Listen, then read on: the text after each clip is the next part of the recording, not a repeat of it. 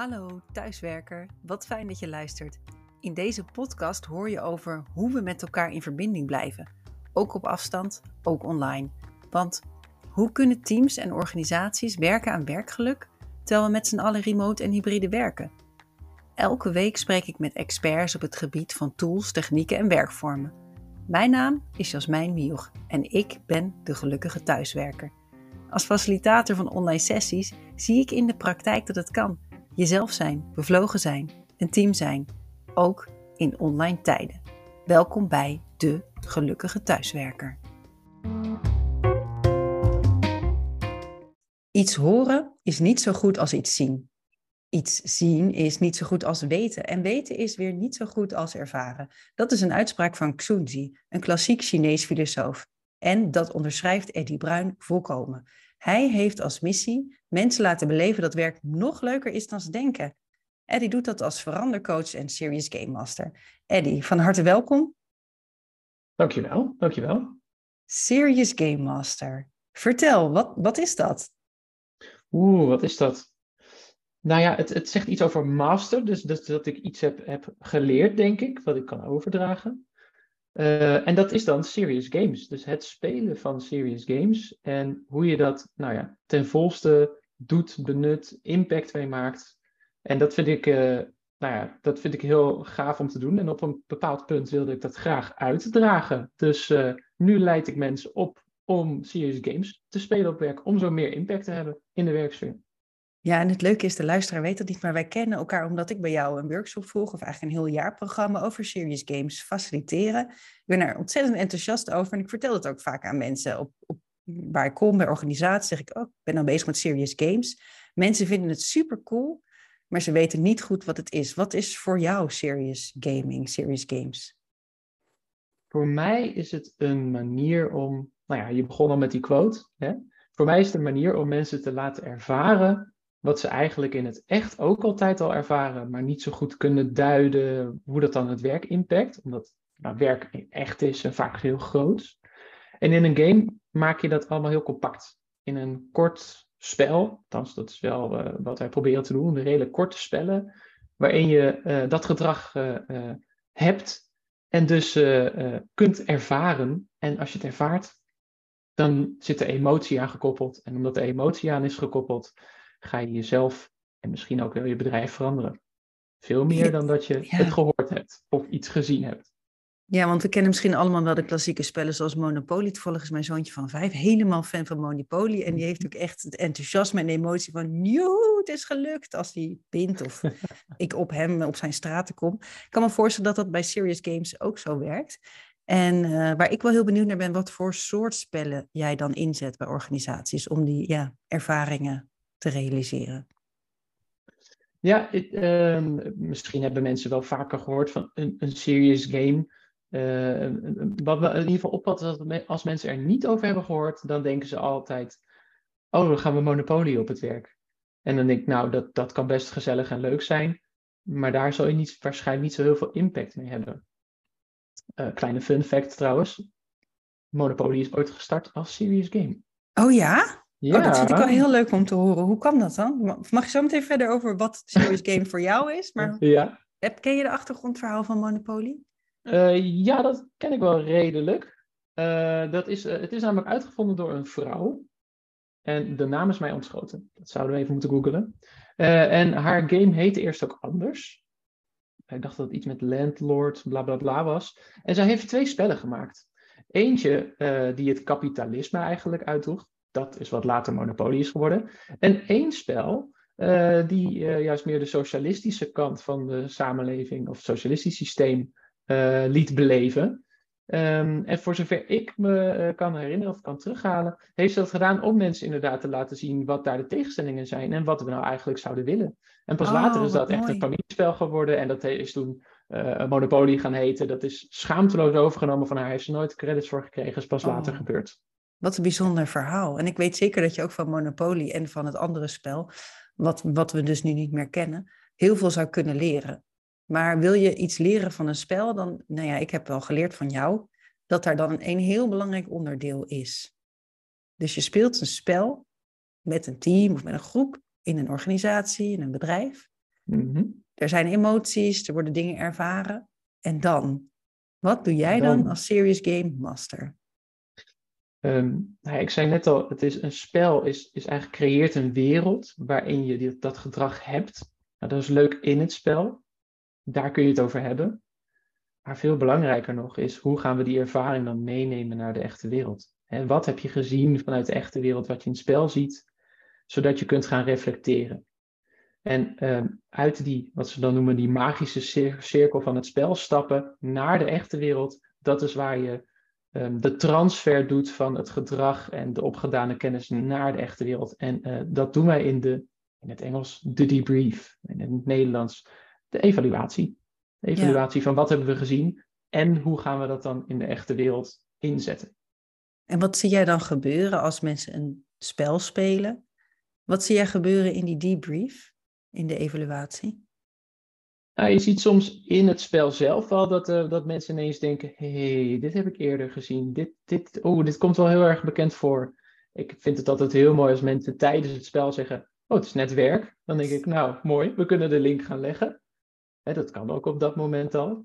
Eh, maar ik pak altijd heel, we pakken altijd heel bewust de tijd, sowieso aan het eind, misschien tussendoor, maar sowieso aan het eind, om, eh, ehm, nou ja, om dan die gedane kennis eh, terug te gaan koppelen. En, en wat we dan zien, ja, dat is heel verschillend. De een heeft eh, iets ervaren eh, wat je ook hoopt in het spel, en dat komt er dan uit, en dan denken ze ineens, oh jeetje, doe ik dit eigenlijk altijd al? Want dat is het gedrag wat ze het echt vertonen. Dus ze worden geconfronteerd met hun eigen gedrag en het gedrag van de groep. Ook over onze vooroordelen of hoe wij in default mode werken. Ehm, wat niet altijd eh, eh, werkt. Hè? Onze eigen hersenen zitten ons, ons wel eens in de weg of onze eigen groepsdynamiek. En dat zie je dan heel mooi in die spellen. Eh, en als mensen dat dan zelf zien, nou ja, kun je het over hebben. Hè? Dan kun je zeggen, nou, wat- kunnen we in de echte wereld daar dan aan doen, zodat we daar niet iedere keer intrappen. Ja, dus echt die koppeling maken van oké, we zien bepaalde, bepaalde patronen gebeuren in het spel, die je op de Mhm. werkvloer ook tegenkomt. En hoe kunnen we daar nou iets mee? Ja, Die Ja. transfer maken. Jij had het net over de magische cirkel van het spel. Vind ik een heel mooi woord. Hoe, hoe krijg jij mensen of teams zover dat ze inderdaad vol in zo'n spel gaan en dat ze enthousiast meedoen? Ik kan me voorstellen dat dat op sommige plekken best wel ingewikkeld is, waar mensen dat niet gewend zijn. Ja, dat is wel vaker ingewikkeld. En dat is ook al, dat is, eh, ja, hoe lang ik dit ook al doe, eh, nog steeds best wel spannend. Hè? Wie krijg je mee, wie niet? Ehm, en eh, ik vond dat mijn, mijn compaan, Jordan Gros, dat, dat eigenlijk wel mooi uitlegt. Hij zegt, ja, ik weet gewoon dat dit ze helpt. Hè? Ze hebben een bepaald, een team heeft een bepaalde uitdaging, een bedrijf. En dit is mijn middel om ze daarbij te helpen. Ze hebben mij ingehuurd eh, om, om ze te helpen, dus dit is het middel. Dus eh, ja, het wordt niet eens benoemd als een spel. Het is gewoon, we gaan een werkvorm doen of ik ga jullie helpen. Dit is wat we gaan doen. En dan komen mensen gaandeweg erachter dat dat een spel is. Ehm, of ja, soms kan je het wel van tevoren aankondigen, maar daar zit een gevaar in. Want dan denken sommige mensen, nou, we gaan monopolieën. Of dit is niet serieus, hè, want, want dit is niet echt. Ehm, er zit wel echt gedrag in. Dus dat is best, best lastig. Kan je het bij Eh, alle dus- doelgroepen inzetten? Bij alle type mensen, alle type organisaties en bedrijven? Is het voor iedereen toepasbaar? Ja, het is bij iedereen toepasbaar. Je moet wel goed nadenken over wat is nu de doelgroep en hoe ver kan ik ongeveer gaan. Maar daar kan je ook je uitnodiging op aanpassen. Je moet mensen uitnodigen om een spel te spelen. En dat is nog wel eens een lastige bij serious games. Een spel is sowieso vrijwillig om aan deel te nemen. Ehm, het liefst bij een serious game ook. Het is niet altijd het geval. Je, je nodigt mensen toch uit tot nou die workshop die ze gaat helpen bij, bij eh, de uitdaging die ze hebben. Ehm, ik probeer steeds meer dat het wel echt eh, eh, een uitnodiging is. En als je niet mee wil doen, kun je altijd observeren. Kun je altijd van buiten die magische cirkel kijken naar wat gebeurt daar nou. En dat, daar zitten ook wijze, wijze lessen in vaak. Ehm, en die mensen kun je dus ook een rol geven. Soms kan het wel, soms kan het niet in een spel. Ja, ja. mooi. Kan je, kan je voorbeelden geven van wat voor soort vraagstukken worden opgelost met serious gaming? Eh, ja, Ehm, eh, dat is altijd een heel eh, belangrijke vraag. Want ja, wanneer ga je nou een spel spelen en wat ga je dan doen? En dat is ook hoe wij, vaker worden gevraagd binnen bedrijven. ja, we hebben jullie gezien of gehoord dat, dat jullie leuke dingen doen met spellen en wij willen wel iets leuks doen met spellen, um, dus kom langs. En um, dan moet ik altijd al zeggen, ja, een spel is een excuus. Een spel is een excuus om een probleem op te lossen, om te gaan evalueren. Het is een middel, niet het doel. Dus heel tof dat je uh, hebt gehoord dat dat heel leuk is. Vinden wij ook. Heel belangrijk onderdeel. Maar het gaat erom dat je wat leren. Dus dan ga ik altijd naartoe naar wat kunnen we nou hiermee? Nou, en dat, Ja. dat, dat Dus je verdeelt- zegt, als mensen zeggen, kom een spel spelen, zeg je, oké, waarom? Ja, dan Ja. gaan we gewoon in wat, wat zou je eruit willen halen. En soms willen mensen daadwerkelijk gewoon eh, ja, een beetje teambuilding, dus dat er meer verbinding komt bij mensen. Nou, dan gaan we spellen spelen die gaan over hoe werk je in een team samen of dat mensen elkaar wat beter leren kennen. Eh, maar soms is er een heel concreet probleem in dat ehm, een bepaalde werkwijze die wordt geïntroduceerd, dat mensen dat nou, nog niet zo goed kennen en dat ze daar de elementen van leren kennen. En het agile werken eh, is, is nou, vrij, vrij eh, nou, hip, kan ik het al niet meer noemen. Het is al bijna mainstream. En wat, dat is meer in de IT, wat meer uit in het Rijnlands werken. Ja. Meer zelforganisatie. Nou ja, dan hebben we eh, ook heel wat zelforganisatiespellen en hoe je daar als leider mee omgaat. En, en hoe, je, hoe ga je om met groepsdynamiek? Wat doet een projectmanager eh, eh, nu en wat, wat zou een projectmanager kunnen betekenen? Nou, daar hebben we allerlei spellen voor. Maar de- Ik heb daar wel een mooi voorbeeld voor, want ik ben natuurlijk Ja. nu bij jullie in de leer en ik volg ook, ja, ik vind het onwijs leuk om die serious games ook meteen in praktijk toe te passen bij teams waar ik zelf dan op bezoek ben. En zo was ik bij een wetenschappelijk instituut. Toen hebben we het zelforganiserend spel gedaan, wat, wat jullie hebben gemaakt. De Mhm. Campers Challenge. Mhm. En eh, mensen moesten natuurlijk zelf aan de slag. Iedereen had voor de luisteraar een kaartje met daar informatie op, maar ze wisten niet precies welke opdracht ze moesten oplossen. Nee. Dat stond ook allemaal ergens op de kaartje. En iedereen had relevante informatie. Maar op een gegeven moment zag ik eh, de leidinggevende van de hele afdeling. Die zag ik even achteraf praten met iemand over niet dit spel, maar werkgerelateerd over die wat zich heeft teruggetrokken. Mhm. En op een gegeven moment bleek van oké, we hebben zijn kaartje ook nodig. Wat doen we nu? En wat ik heel interessant vond, is dat de, de adjuncthoofd, dus degene direct onder hem, was degene die hem erbij trok. En dan denk ik, oh, Ah. we hadden het tijdens de lunch daarvoor gehad over dat de, de man zo benaderbaar wil zijn en eh, dat zijn deur altijd open staat. En ik vroeg bij de debrief van, oké, wie heeft nou de directeur er weer bij teru- terug betrokken? Mhm. En waarom was dat de adjunct en waarom niet iemand anders? Ja, de hiërarchie was direct ja. zichtbaar. Ja. En dat was voor hen zelf wel een eye-opener. Dus dan zie je gewoon, oké, die Ja. patronen die zijn kennelijk bestaand, al heeft niet iedereen dat door. Dus dat vind ik zo mooi aan hoe die, die spellen kunnen werken. Het, is, het, eh, het, het eh, koppelt dat weer helemaal terug naar het begin. Je kunt wel zeggen dat je een open cultuur hebt waarin je feedback moet geven en iedereen alles kan zeggen. Maar de ervaring is, het gedrag is inderdaad het patroon. Het is hiërarchisch. Blijkbaar. Ja, ja en, dat mensen hebben dat ervaren. Ja, je hebt het ervaren en eh, de, de, de, in de Campers Challenge doe je dat ongeveer een half uurtje. Eh, dat, is, ja, dat is wel echt een tool die we vaak inzetten waar, waar heel veel gelaagdheid in zit en waar, waar mensen veel verschillende ervaringen mee hebben. Eh, ook mensen die dit herkennen van zichzelf. Oh jeetje, ik doe inderdaad altijd dit. Ik heb wel echt iemand gehad die even stuk zat eh, nadat hij de had Oh ja? Wat, ja, gebeurde zich- daar dan? Ehm, dat was een manager en die betrapte zichzelf op zijn eigen gedrag in het spel. Ja, dus dat was een heel mooie zelfreflectie. Maar hij zag dus van, hé, hey, ik gedraag me nu in dit spel zoals ik het in het echt ook doe. En hij zag dat direct zelf. Dus niet door achteraf, hè, waar, waar jij dat bevroeg. Maar hij had dat zelf. Hij dacht, jeetje, en wat, wat destructief was dat eigenlijk in het spel. Dus in het echt ook. Die moest echt even bij zichzelf te raden. Nou, en hoor je, dan, mooi. ja, hoor je dan later ook nog terug van die teams? Want ik weet niet hoe lang jij ongeveer bij organisaties en teams Mhm. werkt. Hoor je dan later ook nog terug dat ze echt hun gedrag hebben aangepast? Zie je daar dan lange termijn effecten van? Eh, dat is wel het voordeel als je inderdaad. eh, eh, nou, mijn primaire werk is, is die verandercoach. Daar zet ik dus heel veel spel in. Dan kan je daar heel veel op terugkoppelen. Dus dan hoor ik dat zeker terug. Ook omdat je metaforen opbouwt in een spel. De Campers Challenge, ja, het is een fantasiesetting, fantasiesetting eigenlijk. Ehm, maar je merkt dat mensen die metaforen gaan meenemen in het echte werk. Dus die ervaring komt eigenlijk ook weer terug van dat spel in het echte werk. Dat is dan ook weer heel mooi.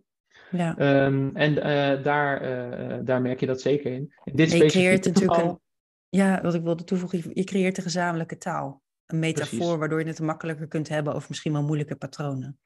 Ja, precies. Hè, omdat je ze in, het, in, het, in de condensed variant, in de samengevatte variant in het spel hebt ervaren, kun je ze makkelijker koppelen aan een, iets wat is gebeurd. Dat was namelijk een gedeelde ervaring.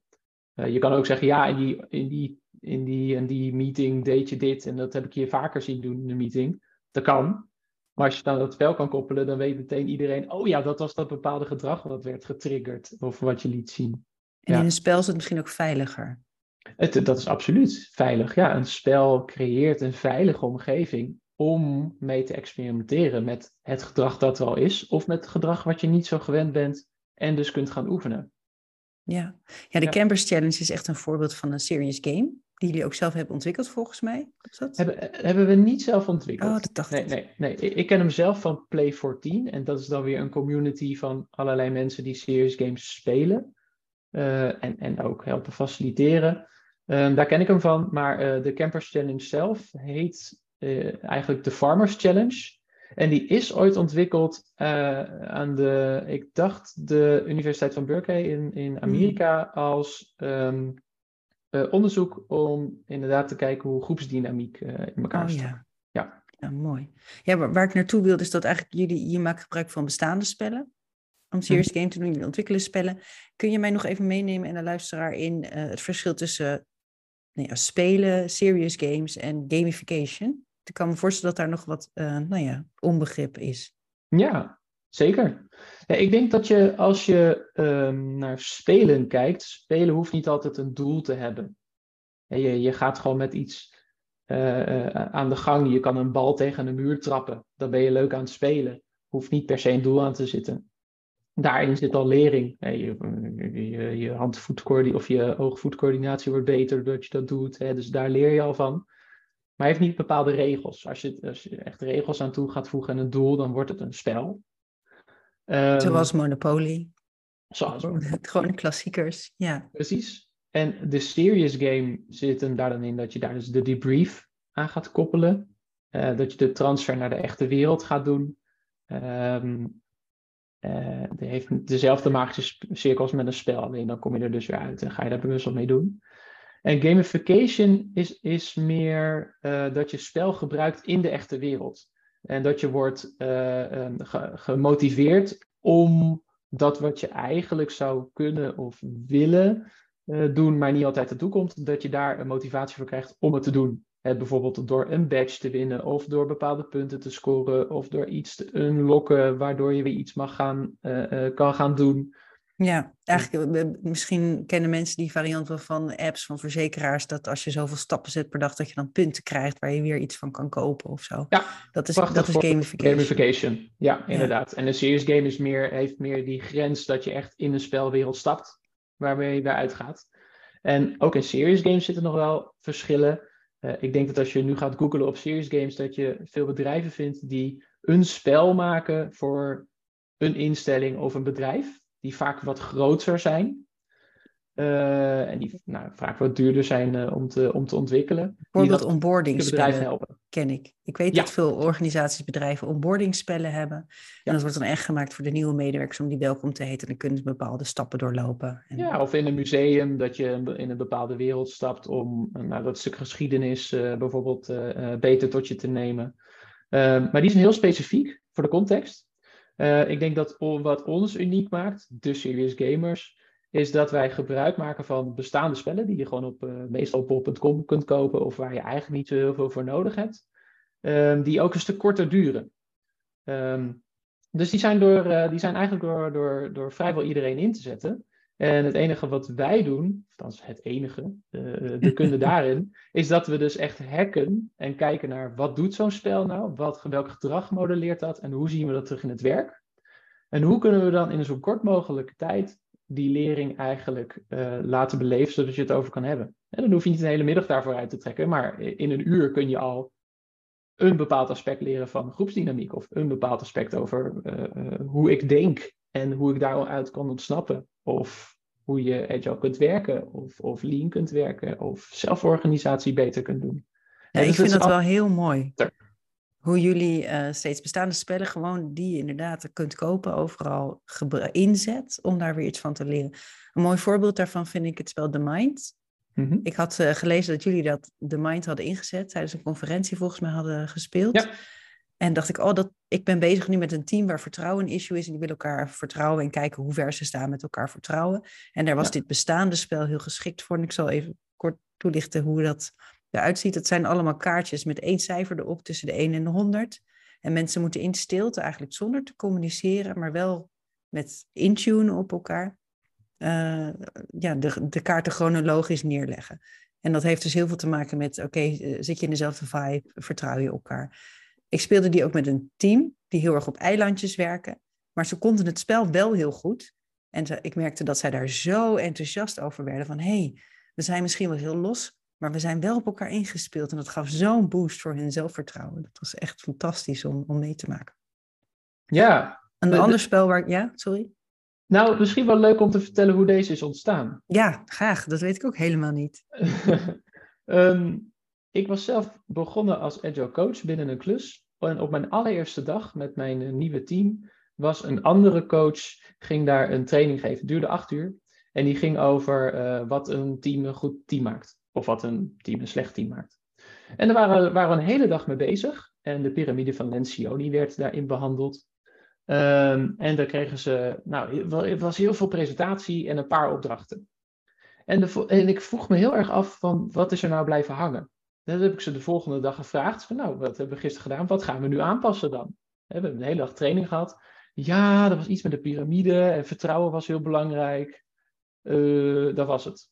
Ik dacht, ja, deze mensen hebben met z'n allen acht uur gespendeerd, hebben er vrijwel niks van onthouden en hun gedrag niet aangepast. Niet eens een poging gedaan om dat te doen.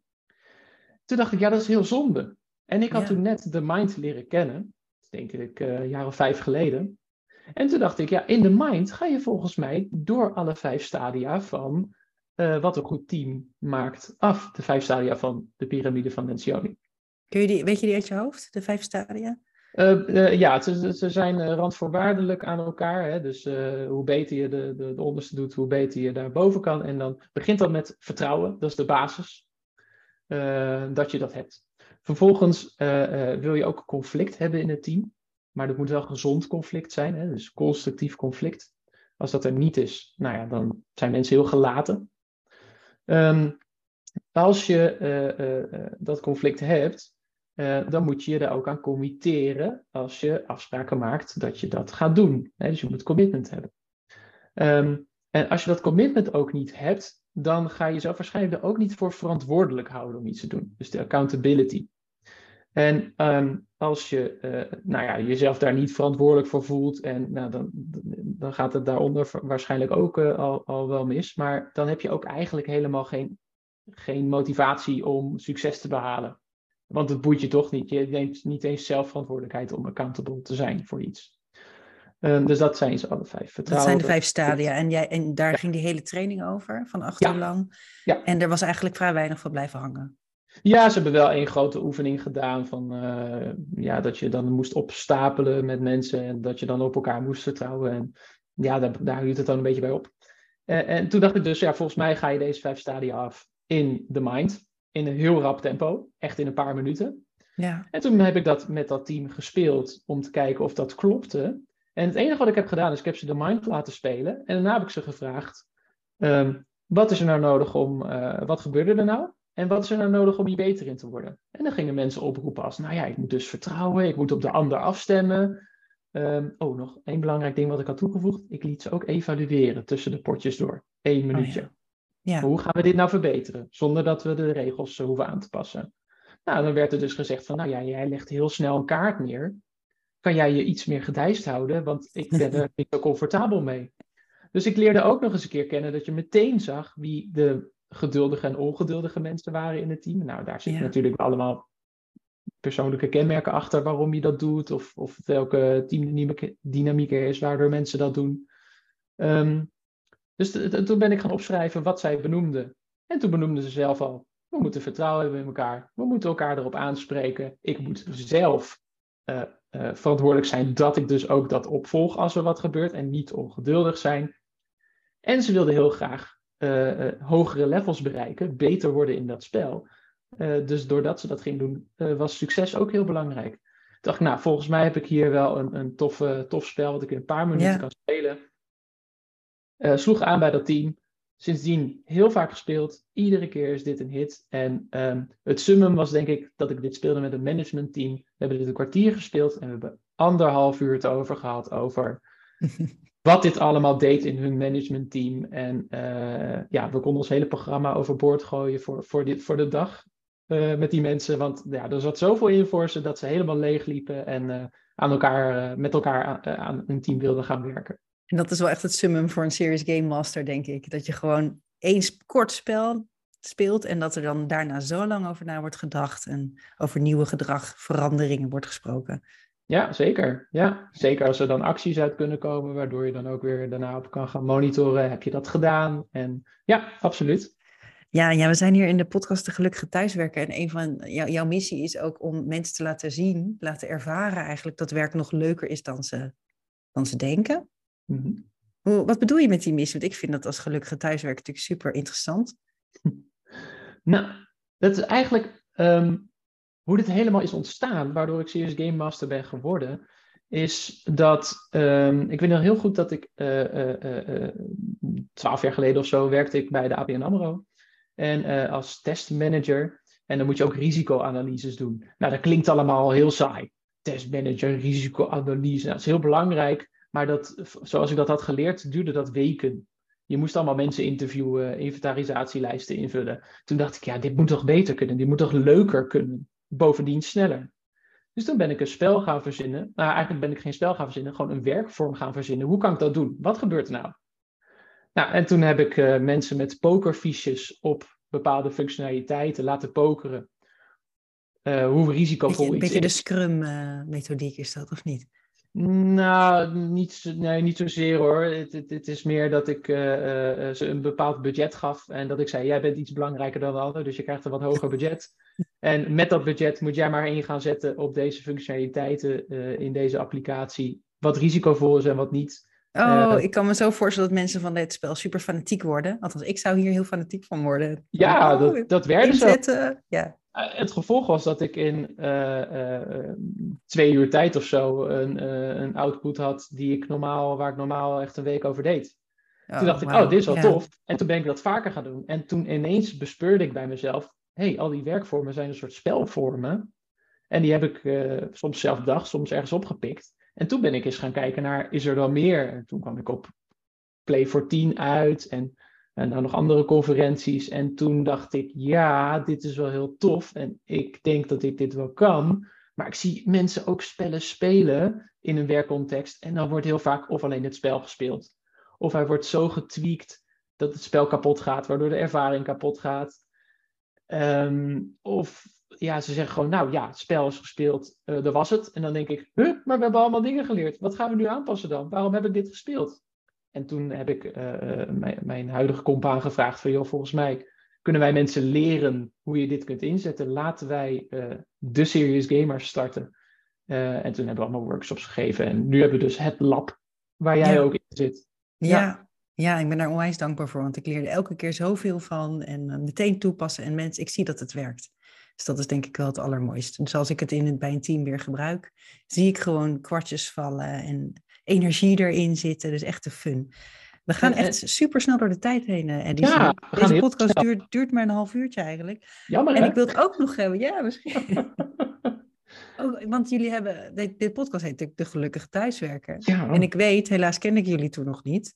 Uh, dat jullie ook in coronatijd, in online tijden, heel veel hebben gedaan met serious games door ja. het scherm heen. Wil je me daar ja. ietsje meer over vertellen? Nou, wij waren heel sceptisch. En wat spellen, uh, persoonlijk contact. Dus wij dachten, nou, we, gaan even niks doen dan. Maar ja, toen bleek toch wel dat corona wel wat langer bleef dan dat we met z'n allen hoopten. En toen hebben we onszelf gewoon de challenge gegeven. We gaan een jaar lang, iedere maand, een spel online spelen. En toen wisten we ook nog niet waar we ja tegen hadden gezegd. Maar we wisten wel, we moeten ervoor zorgen dat ook online dit kan. Hebben we ook gedaan. Iedere maand hebben we een spel ge gespeeld. Uh, daar ook veel in geleerd. over hoe je dat dan anders begeleidt. En sommige spellen hebben we gewoon omgebouwd. Sommige spellen uh, leenden zich eigenlijk al prima online. En dat hebben we. Zoals bijvoorbeeld, heb je er een voorbeeldje van, van welk spel nou echt goed uh, lukte? Um, ja, er zijn er meerdere eigenlijk wel echt goed gelukt, omdat je gewoon een opdracht geeft en het maakt niet zoveel uit of je dat dan thuis doet of niet. Um, en een voorbeeld daarvan is bijvoorbeeld. Um, oh ja, ja dat, is, dat, dat duurt wel lang om uit te leggen. um, even kijken. Ja, um, uh, er is een spel en daarin uh, uh, kun je ervaren hoe, hoe belangrijk is dat je um, iemand in de groep hebt die ook het proces bespreekt. Dus, dus, dat mensen allemaal input kunnen, le kunnen leveren en dat dat goed wordt gefaciliteerd eigenlijk. En de waarde van facilitatie is nog wel eens lastig om aan te duiden binnen bedrijven. Nou, deze is een spel wat al heel oud is uit de jaren 60, de NASA-game. En dan ga je een Marslanding doen. Uh, en dan moet je dus kijken welke items neem ik allemaal mee. En dan gaat het eigenlijk met name om die groepsdiscussie. En wat je daarin ziet in dat spel is, uh, je gaat eerst dat als individu invullen. Wat zijn de items die belangrijk zijn? En uh, daarna ga je dat als groep doen en dan ga je dus overleggen met elkaar. En dan zie je eigenlijk altijd dat de groepsuitkomst, dat is een kleine spoiler, groepsuitkomst is eigenlijk altijd beter dan de individuele scores. En waar komt dat nou door? Nou, dat komt door die facilitatie en de goede uh, facilitatie van de, ja. dat ook. En dan ook ju de juiste vragen stellen. Nou, dat ging online. Fantastisch. En we konden ook dezelfde setting neerzetten. Ja, je moest wel in breakout rooms dan gaan werken. Maar dat, dat, de, de, de, de impact was daar eigenlijk net zo, net zo groot. Ja. En het, zo hebben we dat bij heel veel spellen gehad hoor. Maar dit was, uh, dit was een voorbeeld daarvan. Wat nu, we zijn een jaar geleden, uh, nou ja, december 2021 waren we in een lockdown. Het is nu december 2022. We zijn gelukkig allemaal op vrije voeten, zo gezegd. Mhm. Zie jij nou nog dingen terug uit wat jullie hebben geleerd in die online periode? Of verwacht je dat dat iets blijvends is? Nou, we merken wel dat je uh, makkelijker mensen bereikt uh, uh, waarvoor ze niet op een locatie hoeven te komen. dus wij bieden ook nog steeds mensen aan een introductie uh, workshop te geven. Of dat ze een beetje willen aftasten. Wat is nou een serious game? Nou, dat kunnen we online doen. En dat kan voor hele grote groepen. Hè? En dat is, de, de drempel is lager. En wat, wat, noem je grote groep bijvoorbeeld?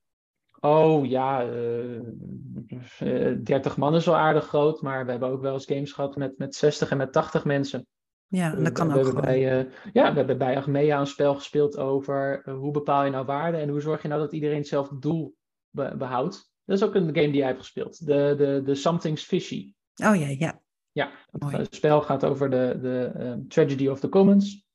Oftewel, um, uh, uh, als je voor eigen gewin gaat, dan ben je het grotere goed niet aan het uh, bedienen. Ja, ben je allemaal slechter af. ja. Ben je allemaal slechter af. En die hebben we online ook prima kunnen spelen. Dat vergt oh, wel wat meer facilitatie vanuit en voorbereiding vanuit onze kant, maar het kan wel.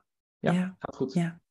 We gaan richting een afsluiting, Eddie. Want volgens mij kunnen we nog uren jammer. praten over alle serious games en de online varianten en de impact en de debrief vragen. Ja. Als mensen het zelf willen ervaren, zijn ze uitgenodigd om een kijkje te nemen op jullie website in ieder geval, de Serious Gamers. Of seriousgamers.com. Precies. Heb ik nog een laatste vraag? Of een BE, want we gaan ook naar België. Oh, nou, we hebben luisteraars in België, dus uh, voor hen uh, is dat ook relevant. Um, Eddie, Mhm. Laatste vraag. Ben jij zelf een gelukkige thuiswerker? Ik ben één dag in de week een heel gelukkige thuiswerker. Met een maximum van twee. Ik heb er niet verveeld door corona. Uh, ik vind toch dat persoonlijk contact uh, op kantoor heel erg fijn. En de gesprekken bij de koffieautomaat en de dingen die je opvangt, uh, zeker in mijn werk zo terloops, zijn toch wel heel fijn om op kantoor te hebben. Maar gefocust werk zonder al dat gekakel om je heen is echt af en toe heerlijk. Dus uh, ik ben zeker een gelukkige thuiswerker, maar uh, uh, één dag in de week. Misschien twee. Eddie, ik wens jou onwijs veel plezier en succes met fun in het werkende leven brengen. Fun in functional, zoals je het zelf zei. En we gaan elkaar binnenkort weer zien bij een nieuwe aflevering, of nieuwe aflevering, een nieuwe sessie van de Serious Games Lab. Dank je ik, uh, ik dank jou ook hartelijk, ook voor jouw ambassadeurschap en dat je zo'n toffe Serious Game Facilitator bent geworden. dank je wel voor het luisteren naar De Gelukkige Thuiswerker. Heb jij zelf tools en tips die iedereen moet kennen? Laat het me weten. Of heb je een prachtig praktijkvoorbeeld? Bel me dan gerust. Vond je deze podcast de moeite van het luisteren waard? Laat dan een review achter en deel de podcast in je netwerk of op social media. Veel geluk iedereen!